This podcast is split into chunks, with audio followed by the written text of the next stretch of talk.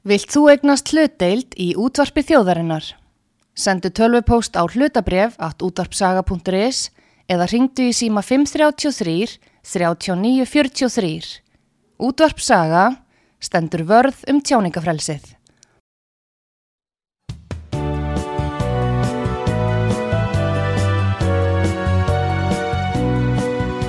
Sýteðis útvarpið á útvarpisögu í umsjón Arnþróðar Karlsdóttur.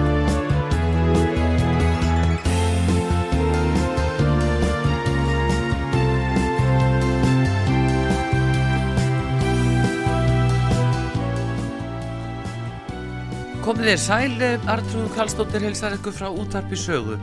Það er stjórnaranstaðan og stjórnmálinn að þessu sinni Simundur Davík Gullaugsson formaður miðflóksins og fyrrum fórsættisáþra.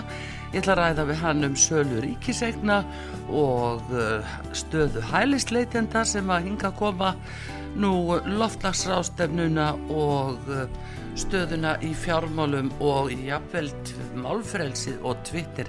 Góðan dag Simundur Davíð. Góðan dag, gaman að vera komin áttur. Já, heyrðu, það er auðvitað mál-málana svo stjórnarnastu þingmenn að vera ræða hér á sögu.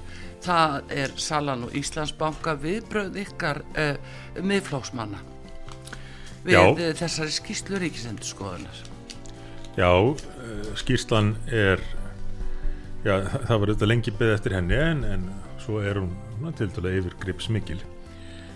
En ég hef nú mynd á það þegar að þessi umræða hófst um uh, setni sölun á Íslandsbanka, setni útbóðið, að það hefði nú kannski verið ráð að byrja fyrr að velta fyrir sér þessari engavæðingu ríkis egna sem að hófst í, í framaldi af því að við yfirtókum gríðarlegar eignir frá föllnu bönkunum, frá slítabúum bankana Já, eftir mjög mikla baráttu á sínum tíma. Og það voru meðal annars bankar það var, það var eiginlega allt fjármála kerfið komið í fangið á ríkinu. En það voru líka ímis fyrirtæki og alls konar aðrar eignir. Og þá skipti mjög verulegu máli hvernig unnið yrði úr þessum eignum. Og ég lagði áherslu á það á sínum tíma þegar við vorum að gera þetta. Það væri bara fyrirlutin að yfirtaka þessar eignir. Setni hlutin snýrist um það hvernig við myndum vinna úr því. Og þegar ég fór úr- ríkistjórninni kynnti það sem tímabundna ráðstöfun á sínum tíma þá var það af því ég saði ríkistjórnin verður að fá frið til að vinna almennilega úr þessu því það er svo mikilvægt hvernig tiltekst við að nýta þetta tækifæri sem við erum komið í hendunar en ég var ekki fyrirfarin úr húsi en að það var tekin uppeyja með þetta allt saman þar með talið varandi uh, fjármálakerfið Arjón banki fór aftur í hendunar á, á vonasjóðunum á afslætti og uh, svo var byrjað að selja Íslandsbanka og nú sjáum við í þessari skýrslu vangaveltur um hvort það hefði verið hægt að fá hærra verðin 117 kannski 118, kannski 120 og sannlega meira. En þá minni ég á það að í fyrirsölunni var viðmiðunar útbóðsgengi ríkisins 71 til 79 krónur. Samanborið við 117 núna já, sem en gaggrina fyrir að vera lágt. Og það var selt á 79 og margföld umfram eftirspurn margfald fleiri en eða, eða, eða margfald meiri eftirspurn en, en orðið hægt var að verða við. Og verðið hækkaði strax upp fyrir 100 bara á, á fyrstu dögunum og, og hefur aldrei farið undir það síðan og fljótlega í 120 og, og, og svo jafnvel upp fyrir 130 uh, en menn veldu þess ekkert fyrir sér á, á sínum tíma hvort þetta hafi verið rétti tímapunkturinn hvort þetta hafi verið rétt verð eða það sem að skiptir jafnvel mestumáli hvort ríkið hefði ekki átt að gera ráðstafanir í tæka tíð til að endur skipulegja fjármálakerfið á Íslandi þegar það hafði það allt í hendi sér til að gera það sangjarnara, hagkvæmara fyrir almenning í landinu og, og fyrirtækin. þú varst með ýmsar hugmyndir á þessum tíma Simundur Já, já. aðeins bara östutt svona til að rifja það upp að, að hvernig vildir þú bregðast við uh, þegar þessi staður komin að ríkið áorðið uh, fjölmarkar eignir, bæði fyrirtæki já, fasteignir og, og íbúðarhúsnaði jafnvel að hérna, hvernig vildir þú sjá þessa breytingu? Þarna á, sínum tíma 2015 og 16 þá var ég mjög skýr með það mjög ítrekkað að þegar ríkið væri komið svona mikla regnir og sérstaklega fjármálakerfið í fangið þá þyrti það að huga að áhrifunum af því hvernig hvernig það er því selt. Það er að segja hvers konar kerfi tæki við Já, áður en mann byrjuð að selja. Því að það var aldrei gert ráð fyrir að ríki myndi eiga alla bankana til allar framtíðar en það ætti ekki að selja fyrr en það væri búið að búið til það sem mann kalla núna framtíða sín já, um hvernig kerfið þetta þróast. Og fyrir kostningarnar 2017 í fyrstu kostningum okkar í miðflokkunum þá lögðum við fram heldar áallun um endurskipulagningu fjármálakerfisins. Já, og uh, sem dæmum það, já, þar höfðu bankarnir ólík hlutverk en allt átti að haldast í hendur við að viðhalda samkeppni og, og hafkamri þjónustu fyrir landsmenn. En sem dæmum um tilugur okkar hvað varðar sölu á böngunum eða engavæðingu lögðu við til að til að byrja með þeirri þriðjungslutur í einum bankanum uh, sem þá átti að vera Arjón banki svo var hann afhentur vonasjóðunum og þá, þá lögðu til Íslandsbanka. Þriðjungslutur afhentur öllum almenningi til japs þannig að hver einast Íslendingur sem var í fættur fyrir ákveðin dag en ekki dáinn fengi sinn hlut í bankanum á tilteknum degi. Svo Þetta hefur ykkur fundist raunhæft, raunhæf leið. algjörlega raunhæf og, og, og talandum gagsægi og sangirni algjörlega gagsægi og sangjörn leið. Því að þetta eru hinnir raunverulegu eigendur bankaðs og ég er nú þeirra skoðunar að almenningur sé svona jafnaði betur til þess fallin að fara með eigur sínar heldur en ríkisvaldið ríkisvaldið á það til að eigða skatt fyrir almennings í alls konar vitleysu án þess að oft á tíðum að þurfa að svara fyrir það Jú, jú, það er náttúrulega, dæmin eru fjölmörg. Já, En, en einmitt þetta, sko, þetta er svo mikilvægu punktur þarna að á hverju virðist ekki vera bara hægt að selja ríkisegur án þess að það þurfi einhverja sérstaka rannsókn og það er ekki hægt að aðfenda skýslur og allt í lengd og, og feluleik. Hverju gerist þetta? Já, ég held að megin vandamáli við þessa setni uh, sölu, setna útbóð, hafi einmitt verið uh, hversu leynilegt þetta var þangað til að salan hófst. Og ég vitna nú til dæmis í þinginu í frétt af MBL sem að byrtist 17.15 á söludaginn. Mm. Markaðinni loka, held ég fjármálamarkaðinni klukkan fjögur. Þess að rúmlega klukkutíma setna byrtist frétt á MBL uh, það sem var sagt að sala á hluti ríkisins í Íslandsbanka væri nú hafin og uh, líki innan skams Þannig að daginn sem að útbóðið hefst, sem salan hefst Já, þá er það bara þeir sem að, sem að eru að skoða vefsíðunar og sjá frétt á MBL klukkan 17.15 sem að sjá að verið sér að selja þetta hluta fyrir ríkisins í bankanum. Fyrir utan þá sem að hafðu fengið ábendingar um að, að verið var að selja. Og þetta náttúrulega vekur uh, aðtigli og, og áhyggjur kannski þegar að þegar fólk hefur á tilfinningunni að uh, það hafi ekki allir jafnan aðgangað upplýsingum. Já, sem að var náttúrulega í þessu tilfelli. já, já, Það voru ekki allir sem höfðu þessar og, upplýsingar. og þá segja menn sko, þetta er bara önnur aðferð. Þetta er svo aðferð að, að leita til einhverja sérfræðinga í fjárfestingum fagfjárfesta. En þá er áleitamál hvernig það er skilgreint þetta eh, fremur en að vera með opið útbóð Eh, en niðurstaðan í þessum setni áfanga var þó þessar 117 krónur á hlut og menn segja kannski var hægt að fá 180-120 en niðurstæðin í fyrri áfangunum var miklu miklu lægri. Þann- þannig að þetta svol- svolítið þetta er svolítið tve, kannski tvent í þessu. Það er annars vegar samt leynd verðið í setninsölunni þess lækka verðið nýri 117 að, að út af því að það verið ellendir fjárfestar. Já, það er, ein, það er, er þau rauk sem hafa verið notuð til þess að útskýra þetta meðal annara að menn hafi ekki viljað missa út einhver erlenda fjárfesta sem Já. getu stikst við það eh, ef að verðið hækkaðum frá 117 Já.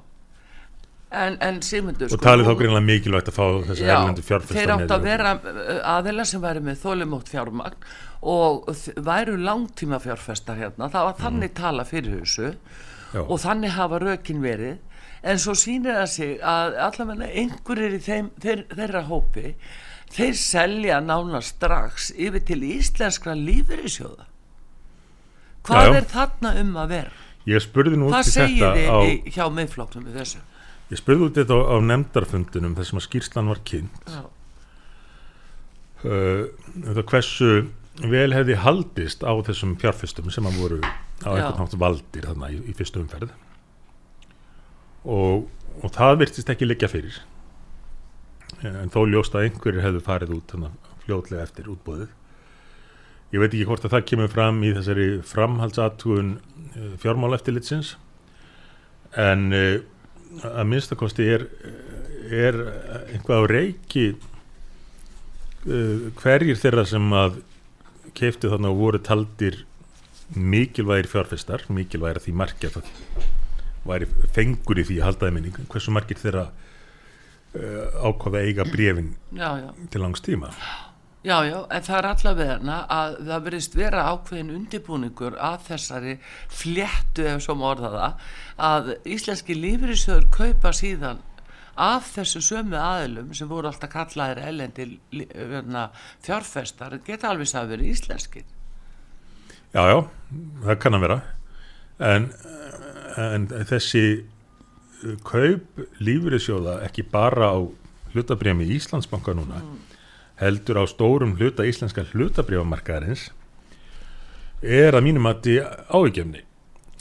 þess að lífriðsjóðnir eru orðin það stórir á markanum hér að í fyrsta lagi eru þeir uh, fyrir vikið í, í áhættu ef að mikill áhættu ef að, ef að verða skyndilega sveiflur á íslenska hlutabrjámarkanum og öðru lagi eru áhrifðir á vald yfir íslensku uh, íslenskum fyrirtækja rekstri orðin gríðarlega mikil.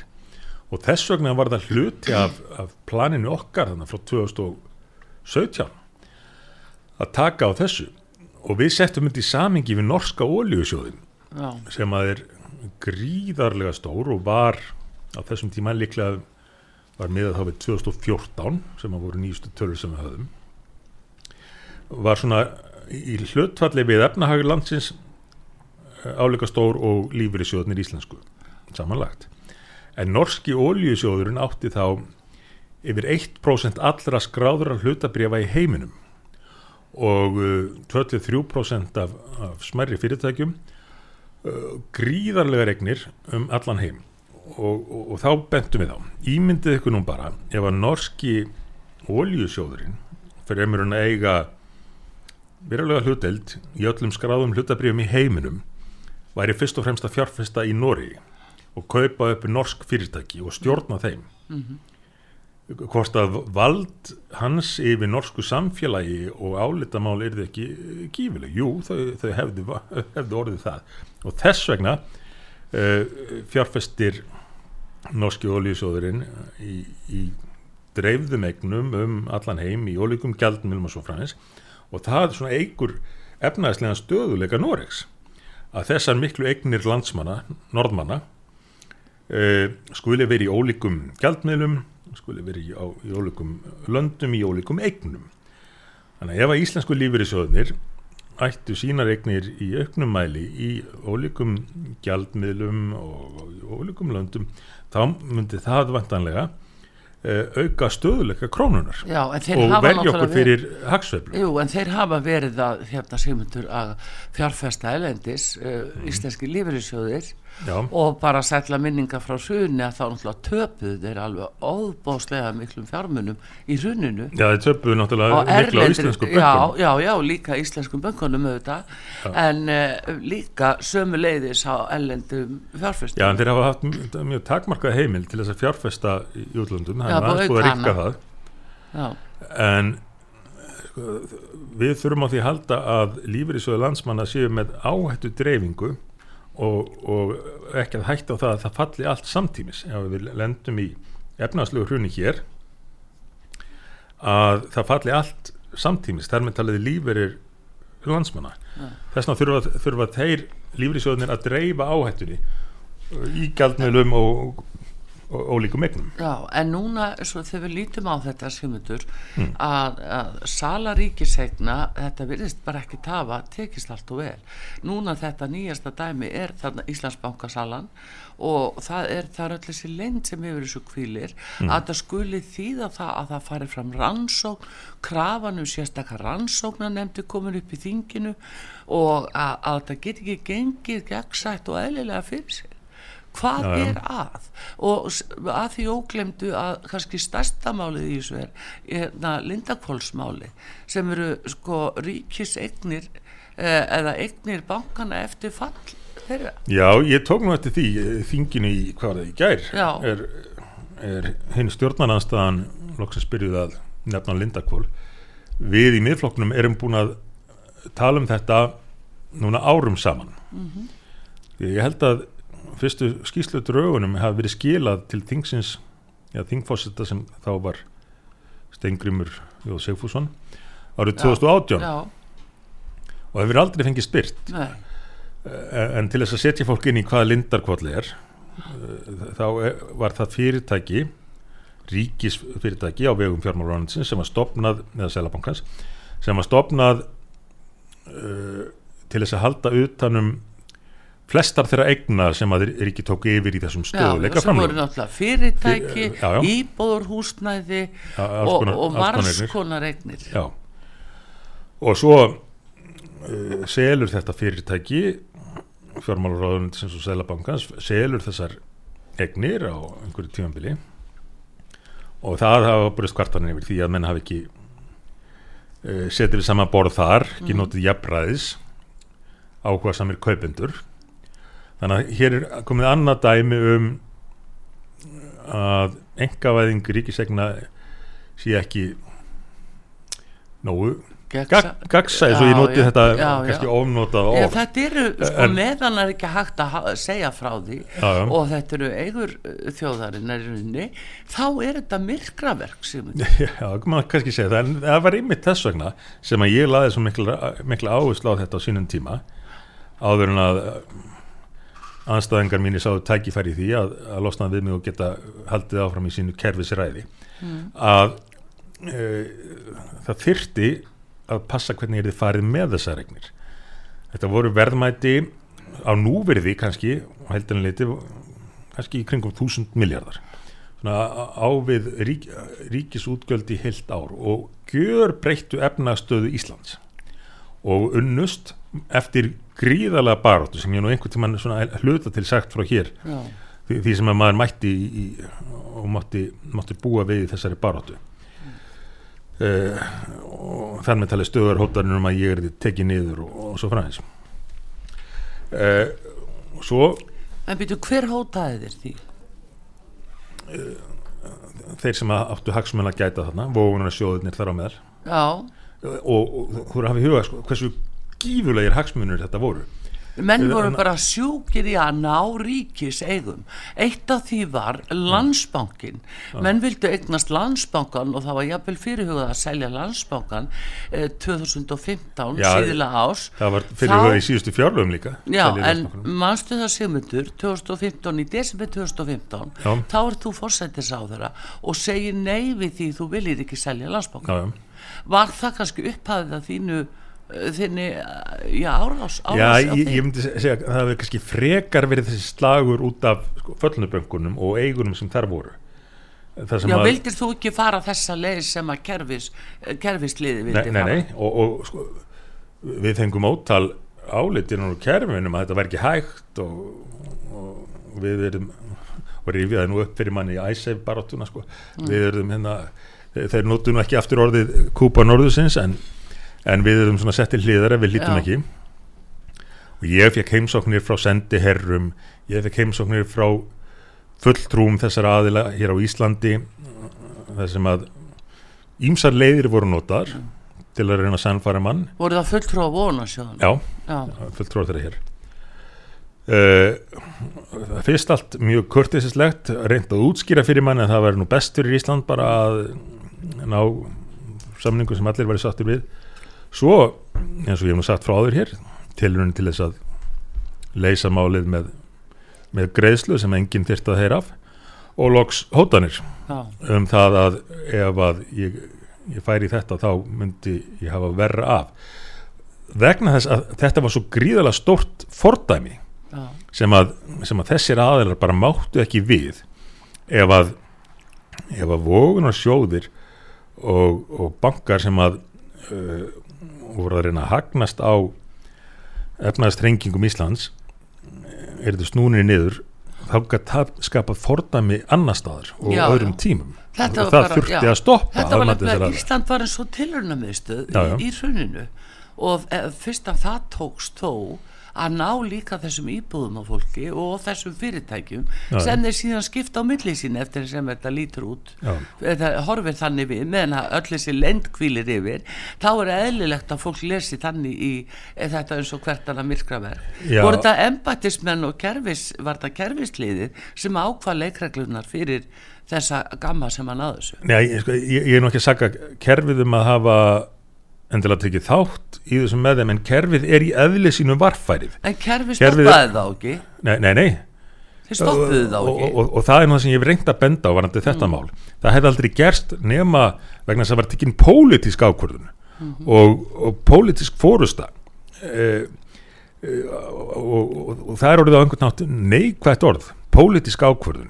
Og menn segja við viljum ekki pólitískar ákvarðanir, við viljum faglegar ákvarðanir. En en, hvað eru faglegar ákvarðanir? Ertu Það þá eru, að tala um félaga þína fyrrum í framsunafloknum og sjálfstæðisfloknum inn í þeirri ríkistjórn eða ert að meina ríkistjórnina sem tók við 2017 uh, sjálfstæðisflokk Bjarta framtíð og viðreist já, ymsir í, í þessum flokkum á sínum tíma hefðu, hefðu aðtúasendir við þetta og töldu of langt gengið. Sumir reyndar höfðu ekki hugmyndum hvað var, að, hvað var að gerast eins og gengur en að minnstakosti ljóst að strax og ég var farin frá þarna þa- þá var farið í algjöra uppeyju og það var byrjað á það var byrjað á máli sem að varðaði sko 20 miljardar hagsmun Íslands og menn eru kannski búin að gleyma núna. Já, komdu með það það, það eru kaupin á aflandskrónum. Já, já, aflandskrónur voru, semst krónur í eigu erlendu fjárfesta já, sem hafðu keiftar á gríðalegum afslætti eftir hrunið gríðalegum afslætti í vonum að hagnast svo að því. Svo vildu þessir aðeinar bara uh, fá að skipta þessum krónum á fullu verði. Mm. hafa myndi keiftar á broti af sko genginu. Uh, og þá er, er farið í uh, og þetta var liður í þessari efnaðslega endurist farið í, í uppbóðsleið á þessum uh, þessum krónum sem voru fastar í höftum og höfðu verið keiftar á miklum afslætti af einhverjum vóunarsjóðum og slíkum. Og, og þá bara er þeim á vissan á stilt upp við vegg og sagt ég ætlum að borga þetta fyrir uh, fyrir krónunar ykkar. Til dæmis sko, svo ég nefni bara einhvað alveg út í loftið við ætlum að borga 50 cent fyrir 100 krónunar hverju vilja taka þátt í því ef að gengið var kannski 150 sko. en við ætlum að borga 5, 1 dólar og 50 en við ætlum að borga 50 cent hverju vilja taka þátt í því? Og það var einhverju sem tóku þátt í því. Og svona gekk þetta.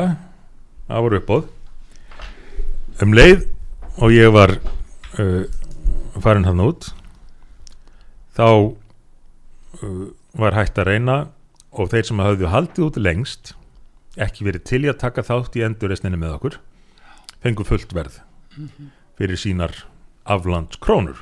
Já, og uh, þetta er sérstaklega áhugavert í ljósi þess að fyrir kostningarnar 2017 sem miðflokkurinn var í frambóði í fyrsta skipti eða, eða hvort það var fyrir kostningarnar 2016 Þa, þá var já, þær voru já, kostningarnar voru 2017 þá var auglist í blöðum af hálfu þessar aðila til að reyna að hafa áhrif og úslit kostninga á Íslandi. Og nú er, nú er mikið- gert úr því að, að einhverjir rússar er að, ég veit ekki hvað það sér en að hafa áhrif á niðurstöðu kostninga á Vesturlundum þarna voru þessir aðilar að auglýsa í íslenskum blöðum og fjölmjölum til að reyna að hafa áhrif á úslit kostningana uh, með, með útskýringum um, um hvað, hversu skadvænleg áhrif það hefði fyrir landið ef að stefna um að uh, halda úti þessum þessari lokun á, á aflandskrónunar heldi áfram Já. og svo eru kostningar það myndið annars konar ríkistótt og það er bara strax tekinu upp eiga Mm. ég er ekki að segja að endilega hafi verið út af þessu Ég- Þessum auglýsingum, Nei, nei, það er bara einhver samtöl sem er þessi stað. fyrst er það þessar aflandskrónur. Þeir sem hafi haldið út lengst og ekki verið til í að taka þátt í endurösninni fengu greitt að fullu. Svo fá vonasjóðunir aftur Arjónbanka og svo er farið í að selja Íslandsbanka allt án tillis til þess að hver- hvers konar fjármálakerfi við ætlum að byggja upp hérna. Þannig að þegar kemur upp þessu umræðum Íslandsbanka núna jú, það er ágætt að þetta hafi verið skoðað en ég myndi nú vilja líta á heildarmyndina Já. sem hefur verið í gangi hérna síðust ári Sko þess vegna einmitt er ég að spyrja þig Sigmundur alveg frá þessum tíma að frá því að, eiginlega að eignir þöllnubankana fara inn í félag sem heitir Lindakól Já. og á hverju þessi lind kvílir yfir það hlýtur auðvitað að vera svo það sem nú sagt bara mannamáli það er vegna þess að það er verið að að heilma yfir hverjir fengi að kaupa og á hvaða verði. Það gefur bara auga leið fólk auðvitað sér þetta langa leiðir. Já. og, Já, já, og svo leiðir eitt af öðru og þannig að þetta er mikið áhyggju efni fyrir alla almenning í landinu að, að menn séu sem sagt á bakvið tjöldin vera að ákveða eitthvað. Síðan er fólk ekki sagt og svo er bara sagt að þetta er ef það verið að búið til skýslu þetta er í rannsókn og aðtugun mm. og það líða mánuður og mánuður og helst er vonast til að fólk gleymi því. Já, já, sem það kannski sko, gerir stundum. stjórnmál eru hérna Það eru því miður bara stjórnmál sem telja sig komast upp með hlutina vegna þess að fólk gleymi og kannski gera margir kjósendur það uh, og kannski hefur, hefur þessi ímyndarpólitík meiri áhrif en eh, maður myndi vilja. Ég hugsa til dæmis að þessi margir sem að telja að ég eða kon mín hafi átt einhver eignir í skattaskjóli sem að var aldrei. Þvert á móti Mm. uh, kom á daginn uh, að maður var staðinn að því að hafa ekki greitt bara alla skatta heldur eh, meira til. Aldrei átt neina regnir eða fyrirtæki sem var ekki íslenskur skattaðili og greitti hér fulla skatta. Já, þá meinar En- að konaðinn hafi uh, greitt skatt á Íslandi en, en átt fjárminni í banka ælendis. já en alltaf íslenskur skattaðili sko. Já, já, All, alltaf, alltaf gefið upp frá upphafi. Já, fullu skattur greittur strax í byrjun og alla tíð síðan uh, alltaf gefið upp og íslensku skattaðili þrátt fyrir að það hefði verið hægt já, það hefði verið hægt að, að hafa þetta sem, sem uh, erlendan skattaðal og, og greiða lægri skatta fyrir vikið. Hún vildi bara frá upphafi greiða skatta á Íslandi. Já, já, samt uh, mátti maður þóla það að sko, það væri snúið út úr þessu fullkomlega eins og svo mörgu öðru. Já, já. þannig að þetta er pólitíkin það er ekki að staðrindirnar eiga oft erfitt með að ná í gegn en einhver svona ímyndarvinna og persónu árásur og slíkt mm.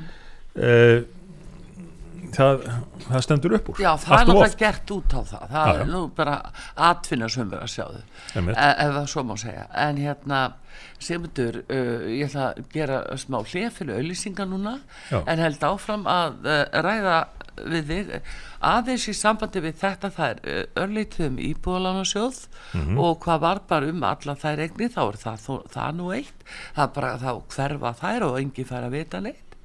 Þetta er ekki eðlilegt. Já. En Sigmundur Davík Gullarsson uh, uh, formaði miðflóksins og fyrir um fórsættis á þeirra er gestur hér á útapisögu. Komum við til skamma stund aftur.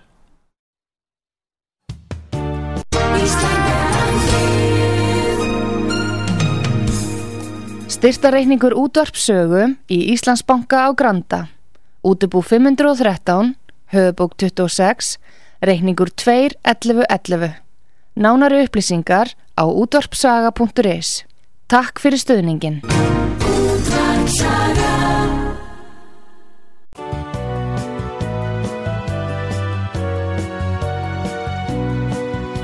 Síðdeðis útvarpið á útvarpisögu í umsjón Arnþróðar Karlsdóttur. Komið í sæl aftur, Sigmundur Davík Gunnlaugsson uh, formaði miðflóksins og fyrrum fórsættisáþræðar. Gestu hér á útvarpi sögu. Við vorum að ræða um uh, bankasöluna og sölu ríkisegna yfir höfuð og rifi upp ymsar uh, hluti sem að ná aftur til ásins 2015.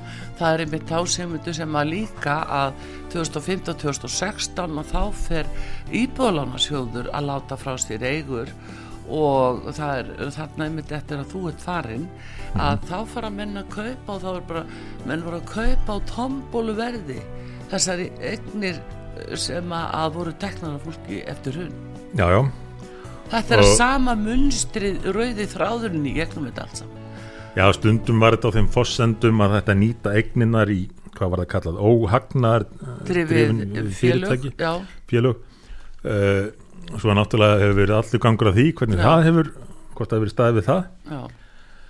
en uh, við leitum lengi eftir því að fá upplýsingar um hverjir hefur fengið að kaupa þessar eignir í Bólunasjóð sem að voru þá miklu leiti eignir sem hefur verið teknar af fólki í, í bankarhönnu og uh, Þorstedt Sæmundsson þingmaður okkar barist í þessu ár eftir ár, laðið fram fyrirspurnir sem átti að svara einan 15 daga en uh, svo kom aldrei svör fyrir að lokum að það kom langur listi af fyrirtækjum uh, sem að var, var ekkit gott að segja hverju rættu raunverulega en, en þetta allt, hvernig til við tekist við að vinna úr þessum egnumöllum er, finnst mér tölvert ágefni sérstaklega veg, vegna þess hvernig til þess, þess að alls kom að þetta er í framaldi af þessu mikla efnahagslega áfalli og það er ráðist í þannig gríðarlega stórar aðgerðir mm. til, að,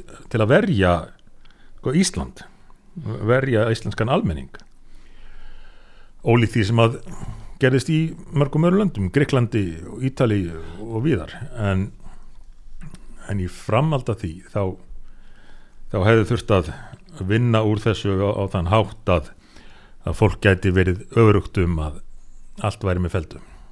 Já, já, því að þarna það eru 2000 íbúður sem er ekki búið að gera grein fyrir mm. og það eru meira að minna uh, einstaklingar uh, jafnvel undir merkjum einhverja uh, félaga smáfélaga sem að voru að fá að kaupa þarna úr eignur úr íbúðalansjöðan.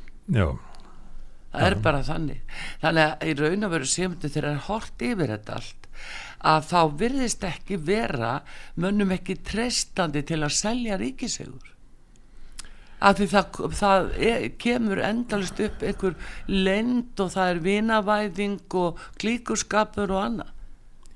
Já, minnst þú veist grunur um það vaknar með einsum þeirra aðferða sem hafa verið notaðar. Eða og maður skildi alltaf að mann vildu koma í veg fyrir slíkt með því að hafa þetta sem opnast. Já, já, já. Og þessin er það spurningum hvaða lögjöfu tæk að, að þeirra á að selja ríkisegur hver er þá bara orðin fulltrúi al, almennings eða þarf lögurklæna að vera viðstöld eða hvernig stendur á því að það tekst ekki betur til í stjórnmálunum og þetta er aftur, árum saman aftur, aftur, aftur? Já, já en nú erst að koma inn á sko, viðtækari vanda stjórnmálana á Íslandi og reyndar víðar, þau eru bara ekki nógu líðræðisleg lengur. Og það sem ég ávið með því er að þetta er orðinir einhverjir kerfisflokkar sem að ganga út á það að fá að vera í ríkistjórn, fá ráðferðastóla og geta útdelt gæðum þar uh, óháð því hverju er loða fyrir kostningar eða einhverju hugmyndafræði eða stefnu sjáðu bara núverandi ríkistjórn hver er munurinn á, á flokkunum í í hinnum ímsum málum, í raun mm. þegar við lítum á hvaða stefna gildir. Ég ætla bara að taka nýjasta dæmið. Ég batt mikla vonum við það að landsundur sjálfstæðisflokksins myndi nú aðeins svona taka á sínum mönnum í þessum hælisleitundamálum Já. Uh, svo kemur bara stefna sem er nánast samhljóða stefnu samfylkingarinnar í málafloknum einhverjir flokksmenn uh, gerðu smávælegar breytingatillögur og fengu þær samþyktar þá bara látið kjósa aftur. Og, og, og einhverjir þarna Það er rétt niðurstaða það, er rétt niðurstaða og breytt niðurstaða úr, Mm. úr valhöllir fengin. Uh, og, og þannig því miður er þetta bara farið að virka að allt á miklu leiti að þetta eru orðnir kerfisflokkar sem að snúast bara um að ná í ríkistjórn og þau tækifæri sem að því geta fyllt og það breytist ekkit nema kjósendur uh, andmæli Já, en. Simundur, ymmit, að þegar við tölum um þetta, ég ætla nú að ræða þessi hælisleitindamál líka við þig, að eh, til dæmis eins og að núna var verið að samþykja 1500 uh, manns eh, inn á Reykjavík, bara Já. eitt og sér, og það er ráþæra sem kemur að því líka, uh, er verið að flytja inn eh, atkvæði, er þetta, erum við komið þangað að við séum að gera eins og sem við þekkt í ymsu löndum sem við að flytja inn atkvæði? Ég, hvað á fólk að halda? Í öllu falli þá virðist vera ríkjandi viðhor að, að þetta fólk langar að sínast langar að byrtast eins og það sé gott og síni það orð sem að kemur alltaf fyrir aftur aftur hjá þessu fólki mannúð. En það er engin mannúð fólkin í því kerfi sem er ríkjandi hér í þessu málaflokki. Sem að ítir undir uh, glæpa starfsemi þá, þá er við sko, þá sem að selja ferðir til Vesturlanda. mannsal Ma, já, já, tilvíkum ma mannsal setur fólk í hættu og gerir okkur ókleift að hjálpa sem flestum þeirra sem að er í mestri neyð. Þetta kerfi er þannig. Og svo sjáum við núna Reykjavíkuborg sem er algjörlega á, á hausnum. Og tekur allt í einu upp á því að undirrita samkomulag um að taka móti 1500 hælisleitendum á næsta ári fjölga þar með borgarbúum um meira en 1% á einu ári með móttöku hælisleitenda. Án þess að hafa hugmyndum hvernig það er að gerast hvernig eigi að finna húsnæði fyrir þetta fólk hvernig eigi að fjármagna þetta. Því þetta er nefnilega ekki eins og þessar endalösu glærusýningar borgarinnar um 15.000, 20.000, 30.000 nýjar íbúðir sem eru svo bara endur teknar reglulega. Í trösti þess að kjósendur hafi ekki langt minni þessir hælisleitundur munu mæta. Hvort sem að íbúðnar, íbúðnar eru til staðar eða ekki. Hvort sem að fjármagnið er til staðar eða ekki. Og þarna er haldin bladamannafundur kallað á, á fréttamenn með yfirlýsingum 1500 manns. Og enginn viðst vita hvernig eigi að framkama þetta. Hver eigi að fjármagna það? Ætla ríkið að gera það? Það, það, það, það sést ekki í fjárlónum ætla borgin að gera það, hún hefur ekki efna á því. Hvernig ætlar, ætlar borgin að finna þetta húsnaði, nú er til dæmis Hafnafjörður sem hefur tekið á móti uh, þalsunum fjölda hælisleitenda þó þessi ekki líkingu við þetta í stökustu vandraðum bara dag frá degi að leita að eh, ekki bara íbúð heldur kannski herbergi fyrir fólk.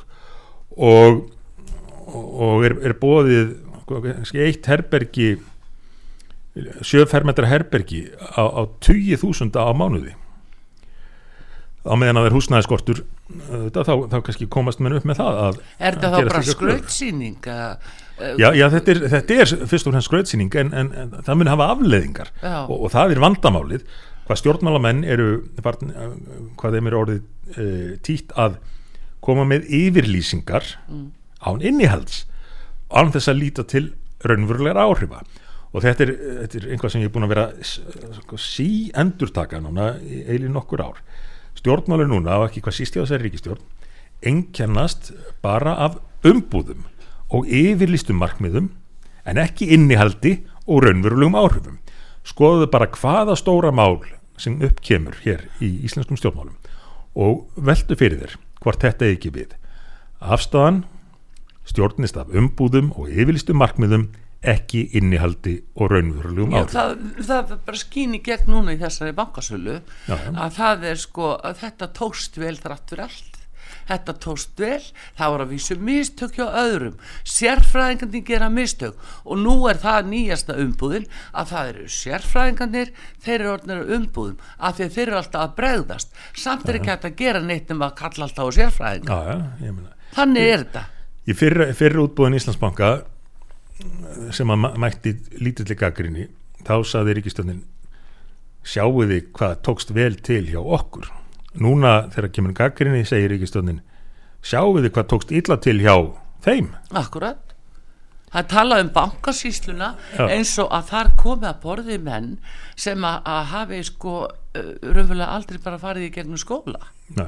Það, það er talað þannig um þá. Og, og bankasíslanum er með verulegar aðtúrsamtin við þessa skýslu og eflaust kann, og að vera segir, heyrðu við gáum allar upplýsingar sem að beðið á raun. já, já. Þannig að þetta er náttúrulega ekki takt að fólk komist upp með svona og þetta er bara uh, illa farið með völd hvernig þetta byrtist uh, öllum fjöldanum. Já. En svona er kýrt á þessu aftur og aftur og hvað annars semundur, ég verða að spyrja þið fyrir einn hlustanda út í bæ Já. hvað var að þínu mati í þessu leyniskjölum 110 ára kassan já, er Það það upphafið á þessum ósköpum sem hafa duni núna allt frá hrunni yfir íslensku þjóðuna við tölum um það áðan að það var eins og Ísland væri tilrunavettvangur með, með eh, þessu áhlaupi á bankana Já. og það var bankarhund og síðan hafa menn verið að púsla því saman hvernig hafa geta náð til sín eigum ímist þjóðarinnar eða þá einstaklingar svona eftir aftökun en allavegna þetta var æfingabraut sem þeir fóru. Þú varst fyrir þessu mönnum og mér í leið já, já. og þér vikið í burtu. En síðan það sem við sjáum það er beinlína af einhverju stefnu sem jafnvel sko hörðustu aðilar að svona á sviði kunnátt í stjórnmálum. Þeir bara segjast ekki botna í því hvaðan þessi stefna er komin sem er núna rekin á Íslandi já. globalismin og, og að, hérna, þessi öfga, öfga stefna sem er rekin hérna. Já þetta er alveg rétt. sjáðu loftlagsmálin það eru hælistleitundur það á að taka hér helst á móti fleiri þúsund manns. Allt í lagi með það. Síðan hvaðan kemur þetta? Nú skal ég segja þér eitt varandi þetta. Til marks um það hversu fjarrri við erum því að ræða stórumálin raunverulega það eru nýkomna tölur fyrir eh, íbúa þróun á Íslandi á síðasta ársfjörðungi það er að segja síðustu þremur mánuðum. Á þeim því tímambili fjölgaði Íslandingum á Íslandi í heldina um, um það byrð 300 útlendingum á Íslandi, erlendum ríkisborgurum, fjölgaði á sama tíma um 3500. Já, Á þessu þryggjára tímabili fjölgaði uh, útlendingum á landinu sagt næstu tólfalt meira en Íslandingum. Og þetta er hraðari þróun heldur en nokkurt annað nágrannuríki hefur séð að minnstakosti í setni tíma sögu. Jafnvel þó við byrjum okkur saman við Svíþjóð og, og slíklönd. Og uh, auk þess uh, er hlutfall erlendra ríkisborgar á Íslandi á einu ári frá því að þetta ár byrjaði.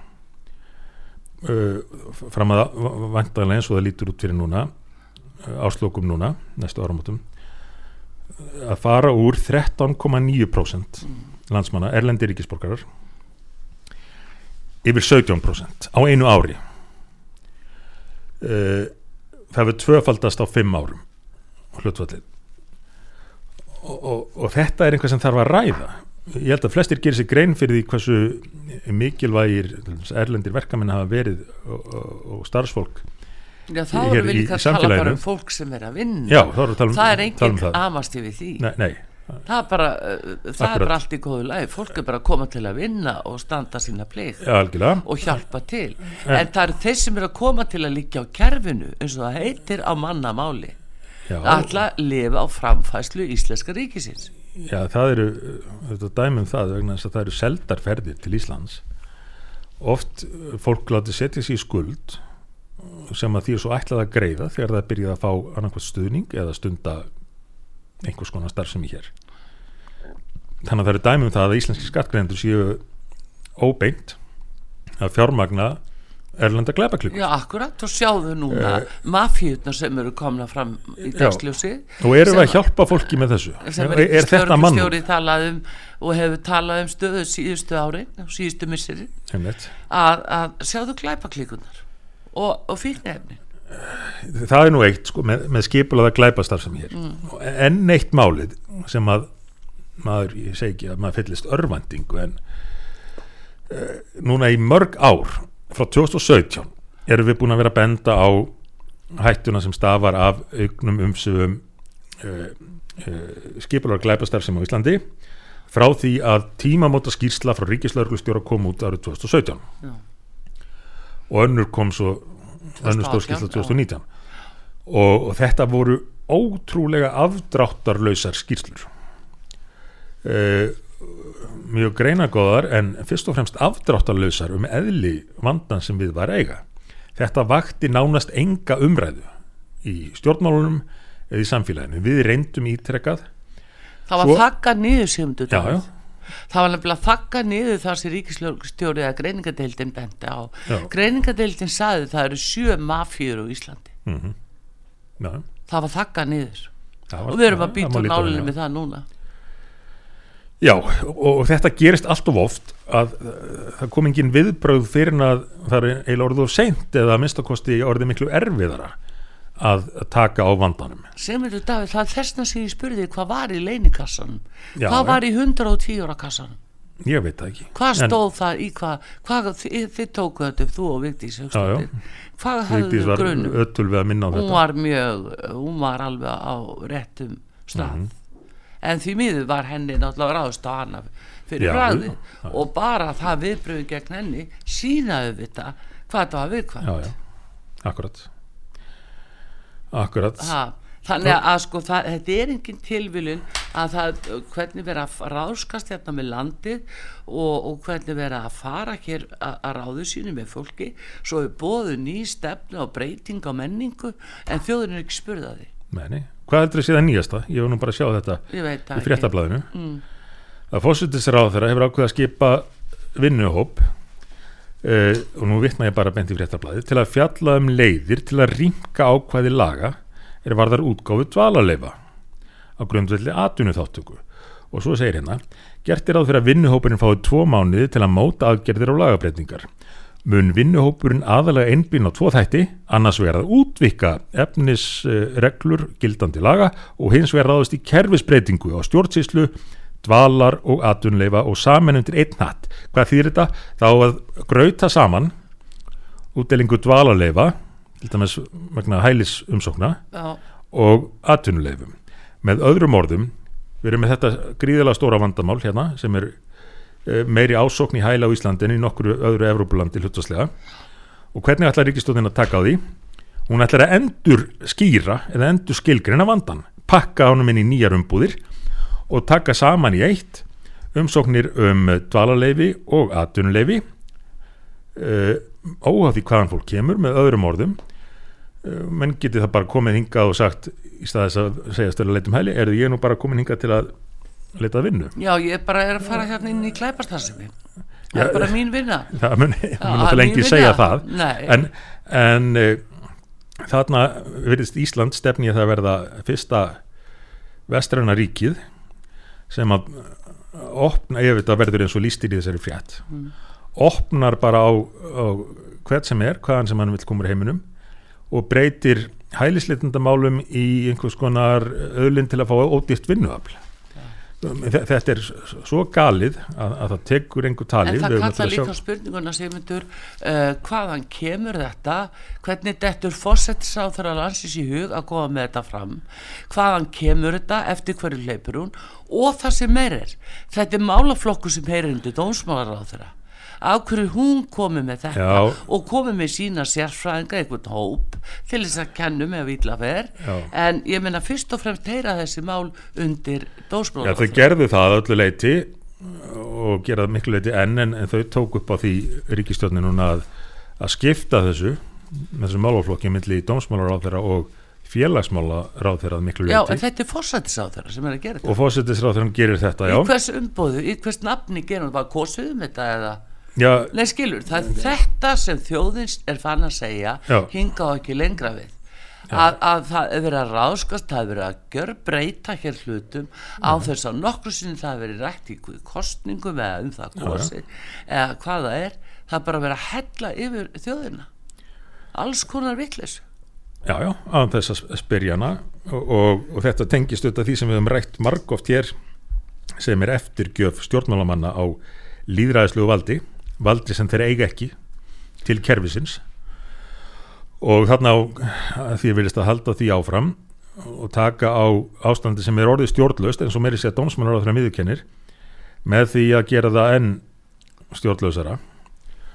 Og uh, það er nú rétt að hafa í huga af því að hér er sérstaklega talað um að að auka þetta út fyrir EES-svæðið já, að þegar við gengum í EES og önnur lönd þá var, voru mikla vangaveltur um hvort það myndi þýða ómikinn ströym fólksmiðli landa á já, jú, tíma. í ystu landamæri sengen Já, en, en það var rögstutt með þeim hætti að þetta væri lönd sem ætti að verða eitt efnahagsvæði Mm.